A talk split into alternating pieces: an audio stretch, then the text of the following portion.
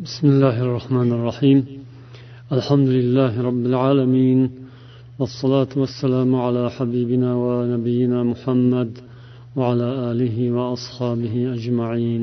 أما بعد حرمات برادر محترم أخوان الله أبالر الله وكلار أكلار السلام عليكم ورحمة الله وبركاته sizlar bilan yomon xulqlar gunohlar haqida o'tkazayotgan suhbatimizni davom ettiramiz. Bugun dunyoda insonlarning halokatiga va oxiratda azobi uqubatga sabab bo'ladigan musulmonlar va kofirlar o'rtasida barobar tarqalgan bir yomon xulq gunoh haqida gapiramiz.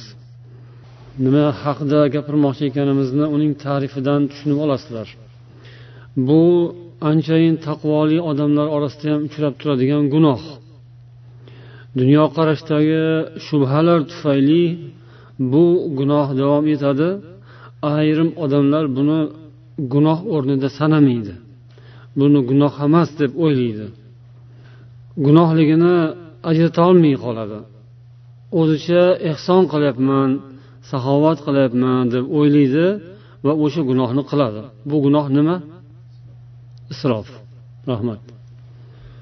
Mana shu turdagi gunoh hammada uchraydi.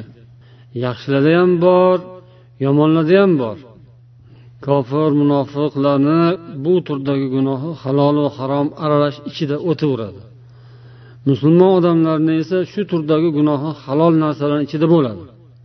Halol pokiza narsalar ichida shu gunoh sodir bo'ladi. Bu isrofgarchilik isrofgarchilikni shunisi yomonki inson mana shu hayotda maqsadni yo'qotib qo'yadi. Shu isrofga giriftor bo'lgan odamni maqsadlari yo'qolib qoladi. Boshqa narsaga aylanib ketadi asta asta. Nimaga desangiz isrof bu nafs talabi. Nafsning buyrug'i bilan qilinadi isrofni. Isrof bu iymon talabi emas islom talabi emas aql talabi ham emas bu nafsning talabi.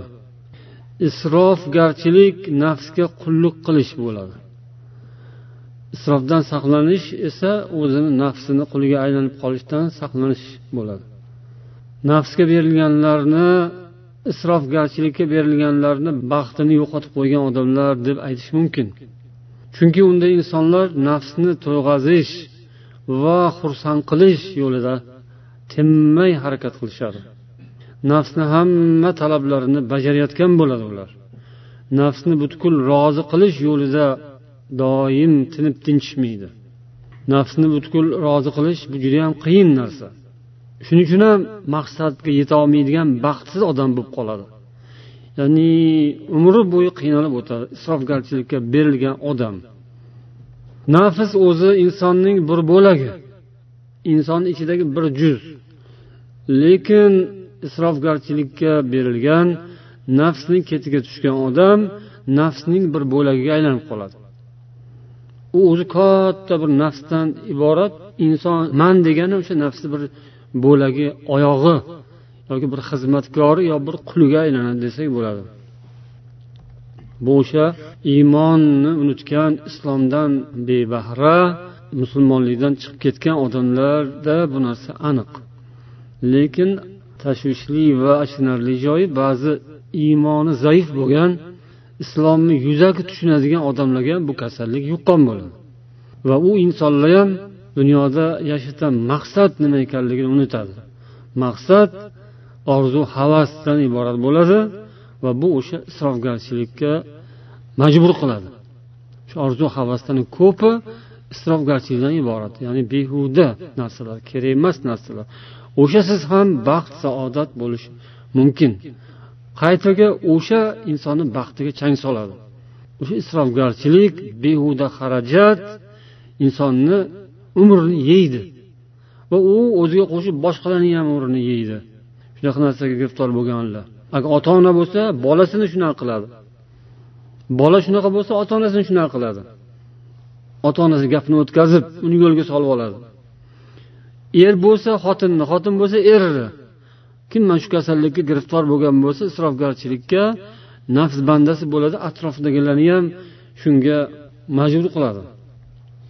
Endi bu agar iymondan uzilsa bunday odamlar bular shu nafs qullari bo'lib dunyoni faqat lazzat va rohatlardan iborat bir makon qilish orzu havasda yaxshi yashash ilinjida bo'lib qoladi va ular doim lazzat qidiradigan odam bo'ladi. Rohat qidiradigan odam bo'ladi va o'zining rohati lazzati yo'lida boshqalarni qurbon qiladi. Boshqalarning manfaatini o'ziga bo'ysundiradi. O'zining manfaatlarini boshqalarni hayotiga boshqalarni manfaatlari ustiga quradigan bo'lib qoladi va bular borib borib lazzatni ham unutadilar. Ya'ni dunyodan lazzat ololmaydigan bo'lib qoladi. Ya'ni chegara bo'lmagandan keyin va maqsad bo'lmagandan keyin maqsad shuni o'zi bo'lgandan keyin nafs hech qachon rozi bo'lmaydi to'ymaydi zerikadi nafs. Yangisini qidiradi va o'sha yangisini ketidan quvaveradi quvaveradi hamma narsada bu ko'rinadi. Hamma narsani yangi yangi turlariga qiziqadi. Texnikani ham ovqatni ham kiyimni ham moshinani ham uy joyni ham doim yangilanib turish kerak. Bu albatta o'zidan o'zi milliardlar isrofi bo'ladi. Bu boradagi bu mavzuni agar o'rganib biroz tanishaman desangiz bu ham bir okeanga o'xshagan tubsiz jarlik ekanini ko'rasiz. Isrofgarchilik moldan boshlanib vaqt umr hayotga aylanib ketadi. Shuning uchun ham alloh taolo qur'oni karimda aytgan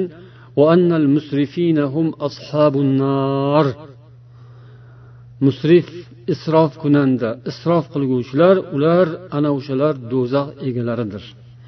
Do'zax ahallari isrof kunanda odamlar. Isrof bu dunyoda halokatga olib boradi. Lekin biz buni chuqur tushunmasak tushunmaymiz. Nimasi halokat deb turaveradi ba'zi odam. Balkim ko'pchilik. Ammo buni chuqurroq anglasak dunyodagi halokatlar musibatlar kulfatlar ofatlar shu isrof orqali ham bo'layotganini ko'rish mumkin. Ya'ni insonlarni baxtini yeyotgan ularni boshiga kulfatlar solayotgan musibatlar ildizlar ko'p. Ya'ni shu omillar sabablar ko'p. Shularni ichida eng katta sabablardan biri mana shu ham. Biz aytib o'tdik baxillik haqida gapirdik ochko'zlik haqida gapirdik insoniyat dushmanlari bular. Odamlarda bor shu. Va xuddi shunga o'xshab buning aksi ya'ni baxillikning aksi. Isrofgarchilik. Baxil bo'lib qolmayin deb ham ba'zi odam isrofgarch bo'ladi. U baxil bo'lib halokatga uchramasa baxillik tufaylidan o'lmasa isrofgarchilik tufaylidan halokatga uchraydi u odam. Isrof demak bu dunyoda halokat ekan oxiratda esa azobi uqubat jahannam. Ba'zi aqli kam odamlar ko'zga isrof yaxshi hayot sifatida ko'rinadi. Hayot shunaqa bo'lishi kerak edi endi deb.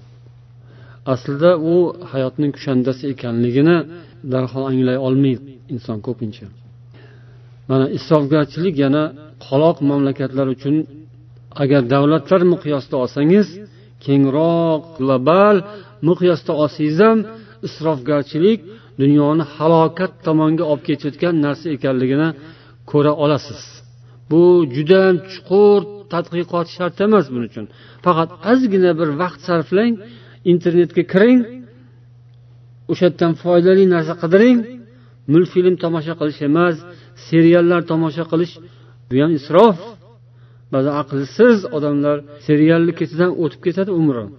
Bir harom xarish narsalarni ketidan o'tib ketadi umri. Isrofni eng yomon ko'rinishlari. Foydali narsalarni qidirib ko'ring. Mana shu narsalar hozir biz isrofgarchilikka bog'lab gapirayotgan mavzularimizga bog'langan narsalar maqolalar ko'p. Agar shuni qarasangiz global ma'noda ham isrofgarchilik dunyoni halokat tomonga olib ketayotganini anglash mumkin. Yuz milliard balkim trillionlar ketyapti bekordan bekorga o'sha isrofgarchilikdan bu yoqda esa millionlar odamlar ochlikka mahkum uni ko'rsatib turishaveradi axborotlarda tarqatishaveradi va bu yoqda ishlar davom etaveradi. O'sha isrofgarchilik behuda o'yin kulgular shoular va hokazo turli xil ko'rgazmalaru turli xil konkurslaru va hokazo narsalar. Yoki ko'ngilochar ishlar yoki dam olish sayohat va hokazo narsalar. Inson hayotini farovonlashtirish farog'atga erishtirish maqsadi chiroyli. Lekin o'sha chiroyli ham deb bo'lmaydi bunday qarasangiz bu yoqda odamlar o'layotgan bo'lsa bu yoqdagilarni hayotini farovonlashtirish yana ham farog'atlashtirish yana ham yuqoriroq cho'qqilarga intilishni buni chiroyli shior deb bo'larmikin? Bu ham o'ylab ko'rishga arziydigan savol vallohu alam. Isrofgarchilik qoloq mamlakatlar uchun taraqqiyot yo'lidagi ularni taraqqiyoti yo'lidagi ulkan to'g'anoq ekanligi ma'lum. Rivojlangan jamiyatlar uchun ham isrofgarchilik tanazzul ya'ni cho'qqiga yetib borgandan keyin u yoqda nima bor? Uchib ketish kerak yo pastga tushish kerak? Agar faqat moddiy farog'atni maqsad qilgan holda yuqoriga qarab intiladigan bo'lsa u yuqori chekli u yuqorini chegarasi bor ya'ni tog'ni cho'qqisi bo'ldi u yog'i pastlikka qarab yurish kerak. Ya'ni tanazzul. Shayx munajjid mana shu mavzudagi bir so'zlarida yozgan ekanlar مزيد من المساهمة في إيجاد أوقات الفراغ ilmiy texnikaviy taraqqiyot bu insonlar hayotida bo'shlik ya'ni bo'sh vaqtni paydo qildi judayam katta miqdorda bo'sh vaqt bekorchilik paydo bo'lishiga olib keldi Insonni ko'p holatlarda asbobga aylantirib qo'ydi. Balki uning insoniyligini ham yo'qqa chiqardi. Lekin uning nafsining talablarini to'yg'aza olmadi. Qalbi va aqlini qanoatlantira olmadi. Ya'ni bu taraqqiyot texnika yo fan ilm taraqqiyotini natijasi. Ya'ni odamzod baribir baxtga erisha olmayapti.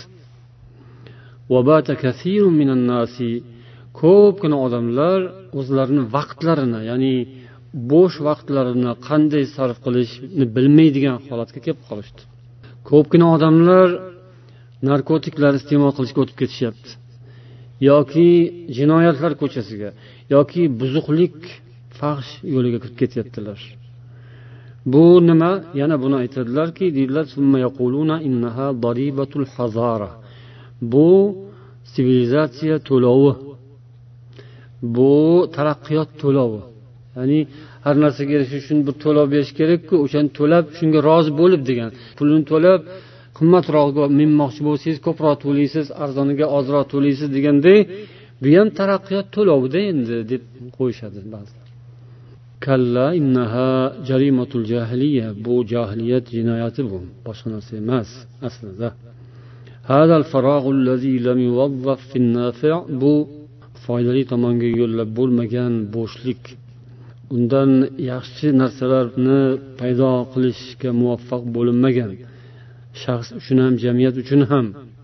Bu narsa demak ulkan bir jinoyat ulkan bir harom harish va pastkashlik razolat va fisqu fasod tarqatishga olib borgan narsa bo'ldi deb yozadilar. Ya'ni bu o'sha asosida isrofgarchilik yotadi. Isrofni nima ekanligini bilmaslik farqiga bormaslik. Isrofgarchilik bu jinoyat emas deb tushunish isrofni nima ekanligini farqiga bormaslik. Mayli boshqalar boshqalar lekin siz bilan biz uchun qanday bu masala? Qadimdan hammamiz bilamiz eshitganmiz lekin buni kelinglarchi bir ilmiy asosda o'rganib ko'raylik. Mana shundoq ekan isrof aslida nima degan savolga javob topamiz inshaalloh. O'zbek tilini izohli lug'atiga qaraylik qisqacha. Tarifi bor. Isrof behudaga xor nobud qilish o'rinsiz yoki ortiqcha sarf deyilgan. Bo'ldi.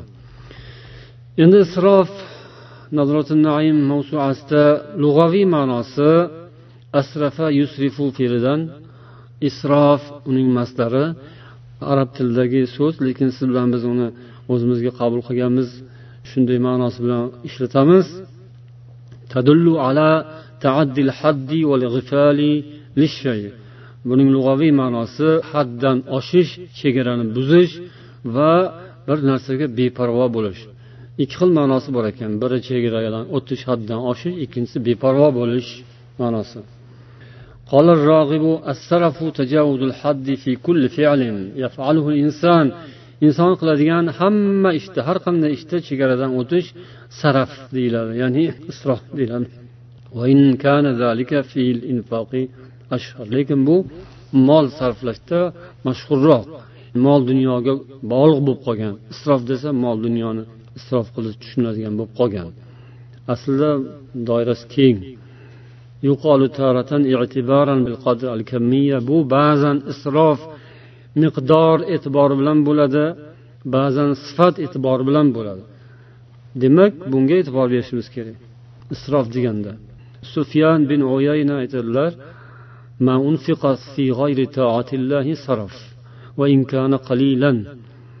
allohning toatidan boshqa narsaga ozgina bo'lsa ham sarf qilish bu isrof bo'ladi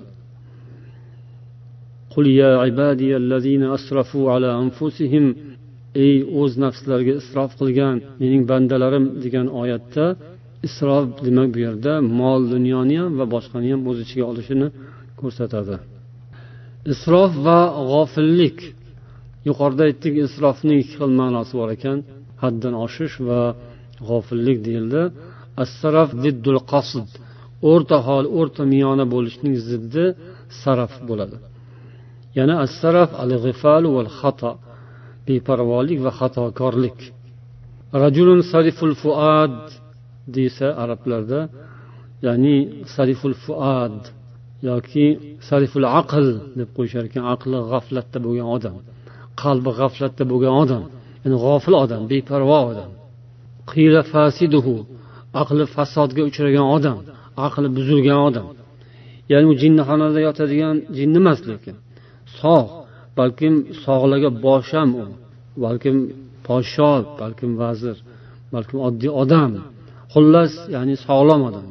Ruhi kasal emas lekin g'ofil odam beparvo odam fasidul aql deyilar ekan.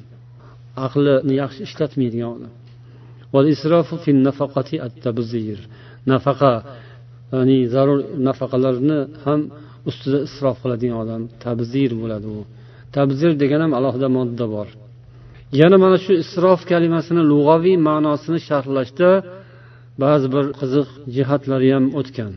Hadisda keladiki deyishadi ulamolar bir rivoyatda oyshaning hadislarida lisonul arabda umarning hadislarida deb keltirilgan inna lillahmi sarafan kasarafil xamr. Go'shtni ham aroqqa o'xshagan isrofi bo'ladi.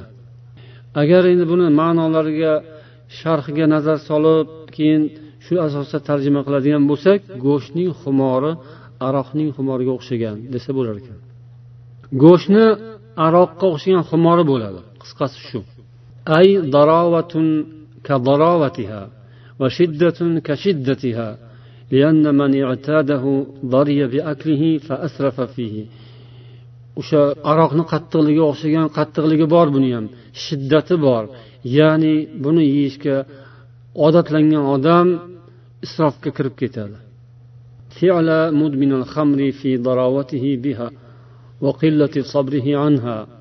Aroqxo'r mudminul xamr shu aroqqa qanday berilib ketgan bo'lsa go'sht yeyishga yaxshi o'rgangan odam ham shunday bo'ladi.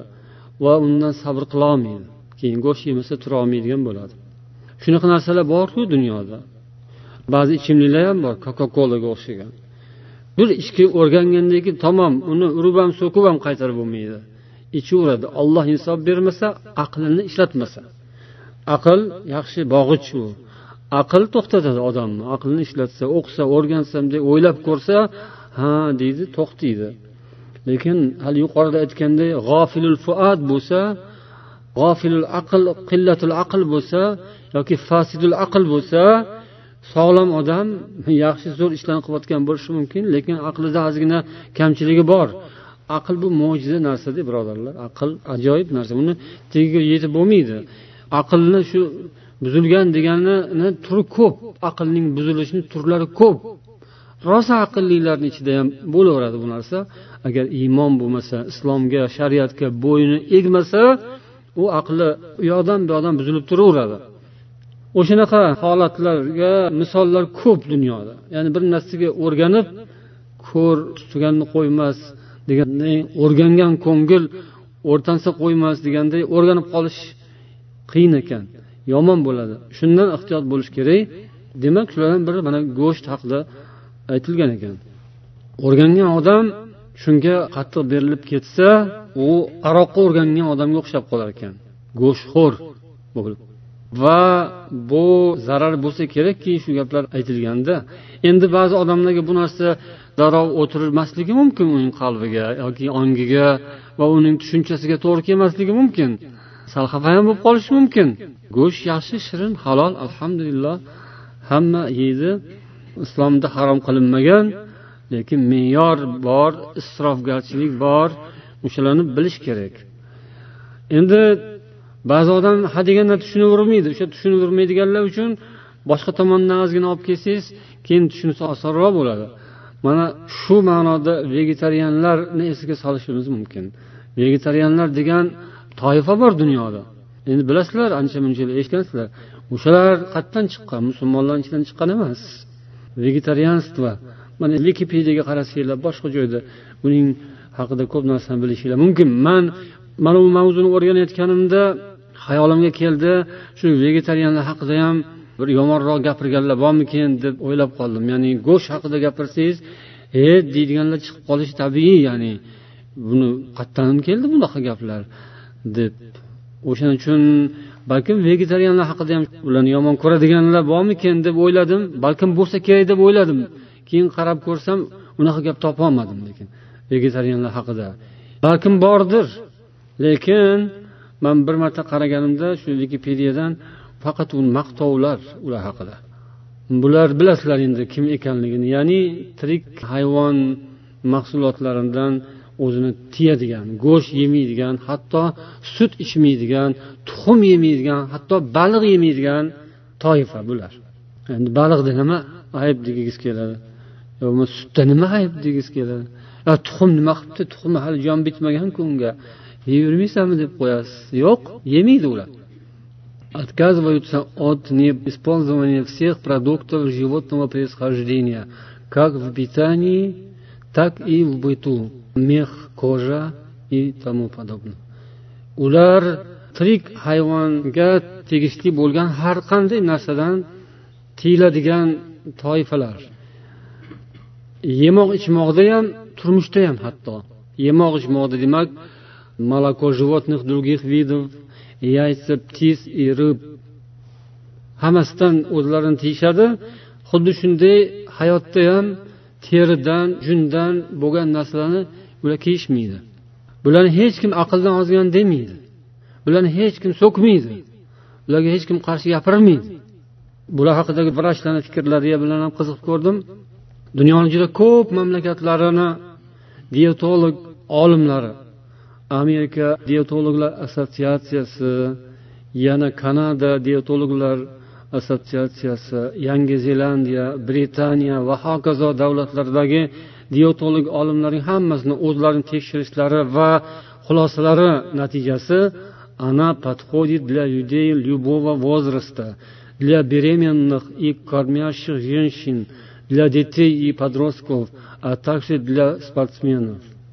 Hammaga har qanday yoshdagi odamlarga to'g'ri keladi deb ular xulosa bergan. Hatto homilador ayollarga ham hatto emizikli ayollarga ham. Hali endi ba'zi emizikli ayollar yoki homiladorlarni gapini eshitib qolsin homilador bo'lganda falon narsani olib bermagan o'shaning uchun kasal bo'lib qolgan bolasi. Yoki bo'lmasam paston narsaga boshqalang'i bo'lib qolgan o'shani olib kelib bermagan eri baxillik qilib o'shandan keyin bu kasal bo'lib qoldi. O'shandan keyin bolasi falon bo'lib qoldi. Va hokazo. Xullas go'sht yeyishni ko'p yaxshi ko'rish haqida bizning mana qadim kitoblarimizda aytilgan va ba'zilarga yoqmaydigan so'zlar xato emas demoqchimiz. Bir ayol radioda gapirganda esimda qoluvdi bbcdan ya'ni shunaqa ovqatlanish ratsioni ovqatlanish tartiblari haqida gapirganda go'shtni ko'p yemaslikka chaqirgan edi. Bir o'zbekistonlik ayol olima ayol. O'sha misol qiluvdiki qo'rqmanglar hech narsa bo'lmaydi go'sht yemasa. Mana otni qaranglar otam go'sht yemaydi degan. Ot faqat o't o'lanlarni yeydi. Subhanalloh. Yana hamma kuchni otni kuchiga taqqoslanadi. Dunyoda otdan kuchliroq fil ham bor sher ham borku lekin ularga taqqoslanmaydi. Kuniga bittadan kamida eshak yeydiganlar bor masalan sher yoki bo'lmasam tonnalab ovqat go'sht yeydiganlar bor masalan kit. Lekin ularni misol qilmasdan odamzod ham kelib kelib otni misol qilgan ot kuchi. Oltmishta ot kuchiga ega yuzta ot kuchiga ega deb kuchni otga taqqoslab o'lchanadi. O'sha hammaga o'zini kuchi bilan ibrat bo'la olgan ot go'sht yemaydi. Subhanalloh. O't yeydi o'simlik maysa yeydi. Yana otdek. subhanalloh ya'ni bu yerda tushunchalar ham rol o'ynaydida odamni tushunchasi dunyoqarashi ilmi ma'rifati iymoni e'tiqodi hammasini o'zini o'rni bor قال ابن منظور وأما السرف الذي نهى الله عنه فهو ما أنفق في غير طاعة الله saraf isrof lug'aviy ma'nosi allohning toatidan boshqa o'rinda sarf qilingan narsa bu har xil joyda har xil ishda bo'lishi mumkin oz bo'lsin ko'p bo'lsin farqi yo'q gapda isrof bo'lishi mumkin jinoyatga jazo berayotganda isrof bo'lishi mumkin va hokazo ovqat oziqda kiyimda hamma narsada isrof bo'lishi mumkin endi istilohiy ma'nosiga kelamiz قال الجرجاني الإسراف هو إنفاق المال الكثير في الأرض الخسيس jurjoniyning ta'riflarida isrof bu ko'p molni past maqsadga sarflash. Nafaqada ya'ni nafaqasi vojib bo'lgan odamlar bola chaqasi va hokazo. Nafaqada haddan oshish. Ya'ni ba'zilar bolam chaqam deb qo'sh tirnoq ichida o'lib yuboradi deydiku. Bolam chaqam deb o'zini o't ko'choqqa urib yuboradiku. O'sha ham isrofda ya'ni bola chaqa oilaga qarashda ham me'yor bo'lgani yaxshi. Chunki o'shani ota onani qilgan udumi tutumi bolaga o'tadi keyin o'sha olib ketadida ko'tarib qayoqqadir kelin bo'lsa shu yoqqa olib boradi yoki o'g'il bo'lsa uylanib yangi uy qilsa uyga ko'chirib olib chiqadi o'sha qush uyasida ko'rganini qiladi. Shuning uchun oilada ham infoq ehson me'yorda bo'lishi kerak. Mumsik baxil qurumsoq bo'lishi kerak emas lekin isrofgar ham bo'lishi kerak emas. وقيل هو أن يأكل الرجل ما لا يحل له أو يأكل مما يحل له فوق الاعتدال ومقدار الحاجة. inson halol bo'lmagan narsani yeyishi yoki halolu me'yordan ortiq hojatdan ortiq yeyish bu isrof وقيل هو تجاوز في الكمية فهو جهل بمقادير الحقوق. yana tarifi davom etadi kammiyat ya'ni miqdorni bilmaslik miqdorni haddan oshish haq huquqlarning miqdorini chegarasini buzish ya'ni haqqi bor huquqi bor hammani ham o'sha huquqni chegarada ushlash kerak chegaradan o'tsa isrof bo'ladi jurjoniyning ta'rifotlarida kelgan bu وقال المناوي الإسراف هو الإبعاد في مجاوزة الحد munoviy esa chegarani buzishda haddan oshish isrof bo'ladi endi isrof turlari ehson misolida قال الراغب الانفاق ضربان infoq ehson qilish ikki xil bo'ladi deydilar rog'ib mamduh va mazmum maqtaladigan va qoralanadigan maqtaladigani bu halol pokiza yo'l bilan kasb qilib ما يكسب صاحبه العدالة وهو بذل ما أوجبت الشريعة بذله shariat berishni vojib qilgan o'ringa sarf qilish. Mafruz sadaqalar ya'ni farz sadaqalar va ahli oilasiga infoq qilish. Endi bu maqtaladigan ya'ni zarur. Qoralanadigan esa u ham ikki xil bo'ladi. Qoralanadigani ifrotun va huva huwa val isrof haddan oshish va tofrid haddan kamaytirib qilish va huva taqdir val imsak. Bu ani ehson qilishda qoralanadigan jihati haddan oshish va nuqsonga yo'l qo'yish. Ikkalasi ham qoralanadi biri isrofgarchilik biri baxillik. Bu har ikkisida ham kammiyat va kayfiyat e'tiborga olinadi. Ya'ni shu haddan oshib ketdimi kamaytirib qo'ydimi buni belgilashda ikkita o'lchov bor. Kammiyat va kayfiyat bor. Kammiyat miqdor kayfiyat sifat. sifat va miqdor bu hamma joyda bor tushunarli narsa qanday qilib فالأول إفراط من جهة الكمية أن يعطى أكثر مما يحتمله حاله ya'ni taqozo qiladigandan ko'prog'ini berish haddan oshirib yuborish bu ifrot bo'ladi kammiya kiradi ya'ni miqdor jihatdan buzilish bo'ladi kayfiyat jihati ya'ni sifat jihatiga qarasangiz o'zini o'rnidan boshqa joyga qo'yish. O'rinsiz qilish bu sifat tomonidan nuqson bo'ladi ya'ni qoralanadi. Ozgina noo'rin.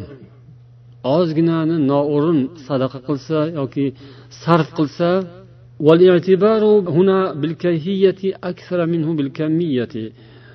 biz hozir bu yerda mavzumizga mos keladigani deydilar. Kayfiyatga ko'proq e'tibor beriladi. Kamiyatga emas ya'ni miqdorga emas. Isrof kunandalik yomon degan mavzuda asosiy diqqat e'tibor qaysi o'lchovga ekan? Sifatga ekan miqdorga emas. Sifatga qarab aytiladi. Sifati o'sha kayfiyati qanday holatda nima ish qilyapti degan savolga qaraladi. Javob shundan chiqadi. Min ulufin va huwa fi infaqihi musrif.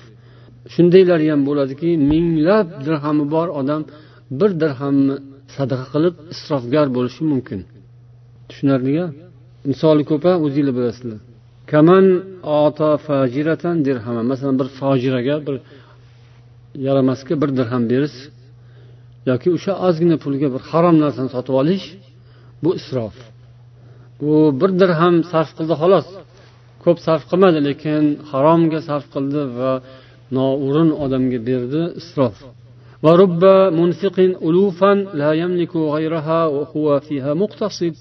Shunda ham bo'lishi mumkinki o'zi bor butini hammasini yig'ib deylik minglarcha pulini hammasini to'plab ming yoki millionni sarf qilib yuborsa u o'rta miyona ish tutgan va to'g'ri ish qilgan bo'lishi mumkin ya'ni zarur o'rniga topib bergan bo'lsa million bersa ham uni isrof qildi deyilmaydi joyiga tushgan bo'lsa yaxshi alhamdulillah deyiladi كما روي في شأن الصديق أبي بكر رضي الله عنه وقد قيل لبعضهم متى يكون بذل القليل إسرافا والكثير اقتصادا shunday savol berilgan edi ya'ni ozginani bersa isrof bo'lib ko'pginani berish iqtisod bo'ladigan o'rni bormi? Qachon shunaqa bo'ladi deb so'ralganda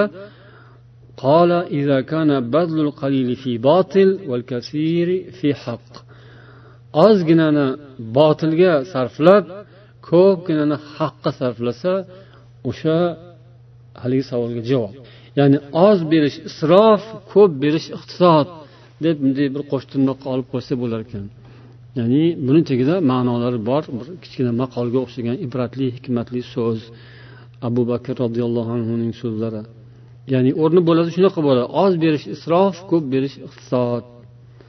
Endi mazmum qarorlanadigan ehsonning ikkinchisi bor mumsiklik.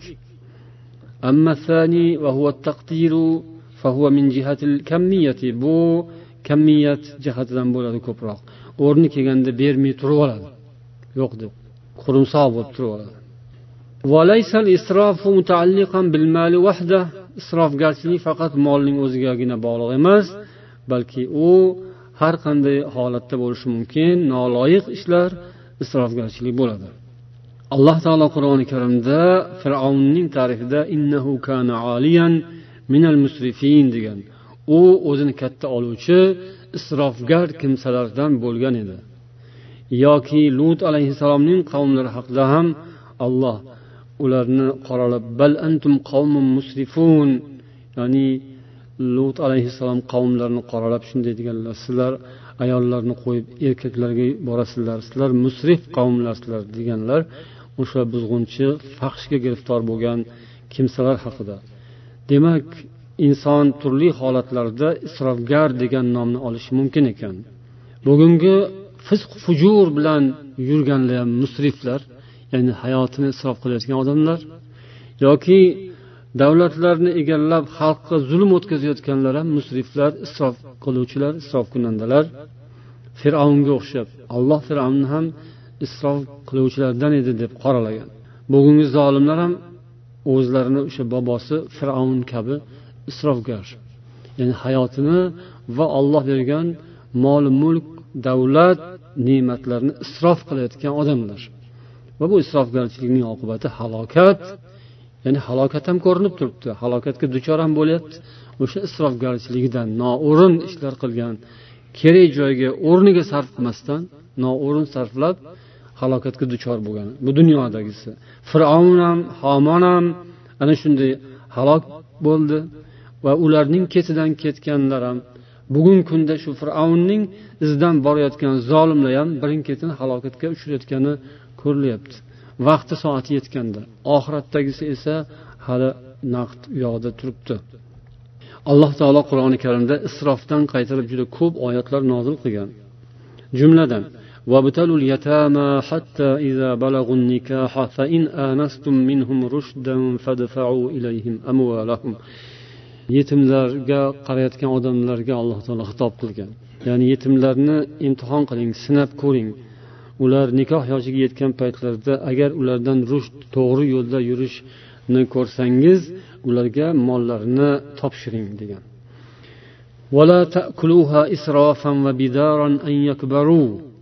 Ularning molini isrof qilib va katta bo'lib qolishlaridan qo'rqib shoshilib yemang degan.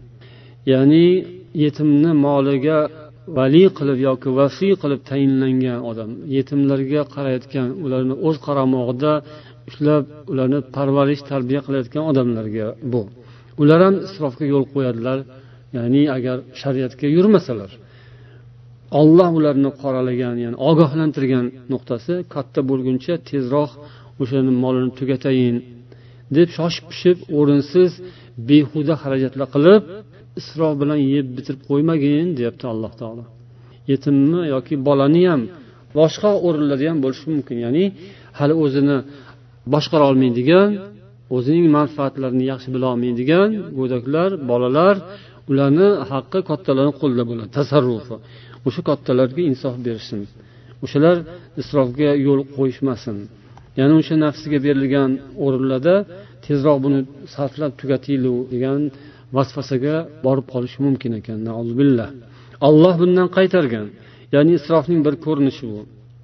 Va yana anom surasida alloh taolo ekinlarni o'stirgan hosilni o'rgan paytingizda uning haqqini ado qiling.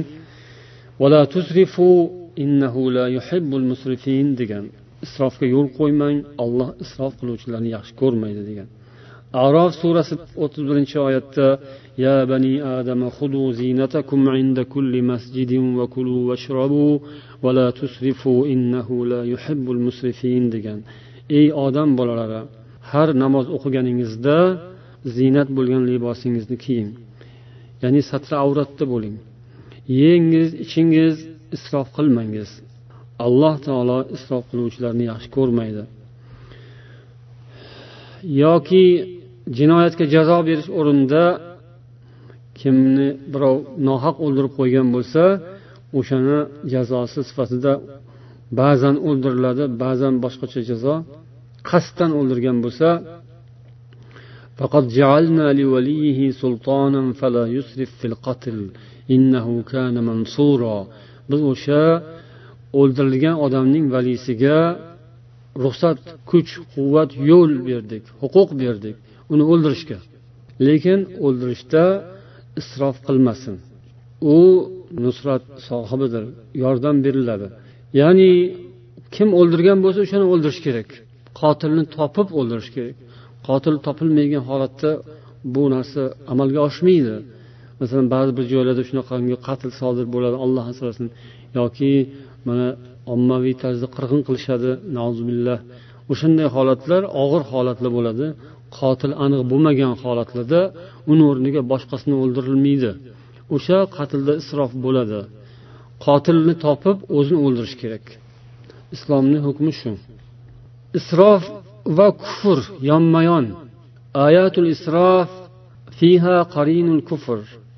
Alloh taolo qur'oni karimda isrof haqida nozil qilgan oyatlarning bir qanchasida isrof kofirlik bilan yonma yon kelgan.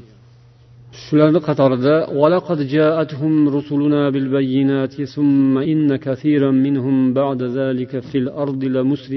degan. Ya'ni alloh taolo o'tgan qavmlarga jumladan bani isroilga elchilar yuborgan holatlarini eslatadi. O'shanda ular hujjatlar bilan kelganlari lekin u qavmlarning ko'plari yerda musrif ya'ni isrof qiluvchi kimsalar bo'lishgani va allohning da'vatini payg'ambarlar da'vatlarini qabul qilmaganlarini misol qilib keltirgan.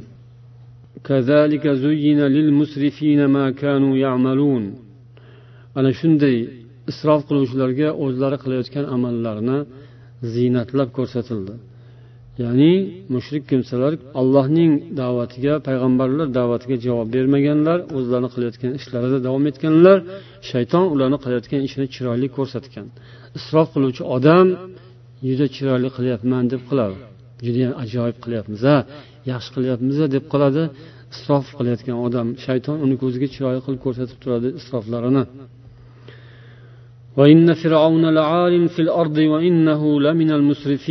Fir'avn haqidagi uning isrof kunanda kimsa bo'lganligi haqidagi oyat edi. Yoki samud qavmi haqida ham alloh taolo shunday oyatlarni nozil qilgan. أتتركون فيما هاهنا آمنين في جنات وعيون وزروع ونخل طلعها هضيم وتنحتون من الجبال بيوتا فارهين فاتقوا الله وأطيعون ولا تطيعوا أمر المسرفين الذين يفسدون في الأرض ولا يصلحون samud qavmiga kelgan payg'ambarlar ularga qilgan nasihatlaridan alloh taolo eslatdi bu yerda ya'ni musriflarga itoat qilmanglar. Ya'ni iymonga qarshi turadiganlar musriflar isrof kunandalar ana o'shalarga itoat qilmanglar. Va ayshu ishratga berilgan kimsalarga itoat qilmanglar deb alloh taolo ogohlantirgan. Fir'avn hamon qorunlarni ham alloh taolo mana shular qatorida zikr qilgan. Yana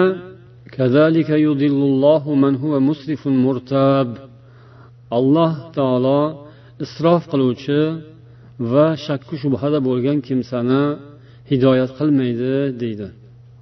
Isrofga giriftor bo'lgan odam tavba qilmasa va murtob bo'lsa ya'ni ko'nglida gumonlar bilan yashaydigan shakku shubhalarga ko'milgan inson bunday insonlarni alloh taolo hidoyat qilmaydi zalolatga kiritib o'sha zalolatda cho'mdirib halok qildiradi demak bu insonlar uchun ogohlantirish.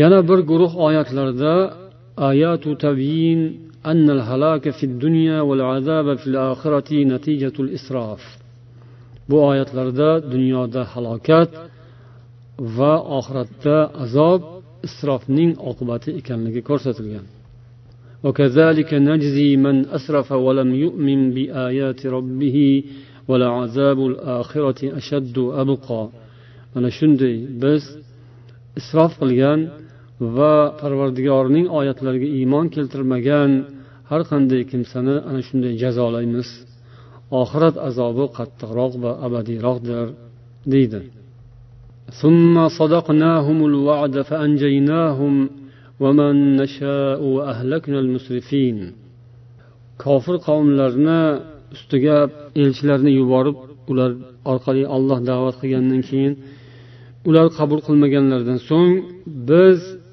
o'zimizning va'damizni amalga oshirdik va o'sha mo'minlarni va o'zimiz xohlagan insonlarni najotga erishtirdik ularni qutqardik xalos qildik balo ofatdan musriflarni esa halok qildik degan. Shunday qilib judayam ko'p oyatlarda alloh taolo mushrik qavmlarni itoatsiz qavmlarni musriflar isrof qiluvchilar deb aytgan. Va bu isrof faqatgina kofirlarda emas mo'minlarda musulmonlarda ham uchrab turishidan bu biz uchun ogohlik bo'ladi yana bir qancha oyatlarda alloh taolo isrof qilganlarini tavbaga chaqirgan وما كان قولهم إلا أن قالوا ربنا اغفر لنا ذنوبنا وإسرافنا في أمرنا وثبت أقدامنا وانصرنا على القوم الكافرين mo'minlarning so'zlari ya'ni dushman bilan ro'baro bo'lgan paytlarida mo'minlarning duolari shunday bo'ldi. Ey robbimiz bizning gunohlarimizni mag'firat qil. Ishimizdagi isroflarimizni ham o'zing kechir. Bizning qadamlarimizni haq yo'lda mustahkam qil va bu kofir qavm ustidan bizga nusrat ato qil deb duo qilganlar. Shunday qilib siz bilan biz ham mana shu isrof balosidan qutulishimiz kerak va o'zimiz oilaviy hayotimizda va atrofimizda jamiyatimizda isrofga yo'l qo'ymaslikka harakat qilishimiz lozim ekan. Buning uchun bizda qanoat sabr taqvo chiroyli bo'lishi kerak. Ana shunda inson bunday gunohlardan o'zini saqlay biladi va bola chaqasi farzandlarini ham chiroyli tarbiya qila oladi. Bolalarimizni ham farzandlarimizni ham hamma ishda ovqatlanishda kiyim kiyishda asbob anjom narsalar tutishda hamma ishda isrofdan saqlanishga o'rgatishimiz kerak buning uchun o'zimiz oilada bu narsaga ehtiyot bo'lishimiz kerak alloh barchamizga tavfiq hidoyat berishni so'rab qolamiz سبحانك اللهم وبحمدك أشهد أن لا إله إلا أنت أستغفرك وأتوب إليك والسلام عليكم ورحمة الله وبركاته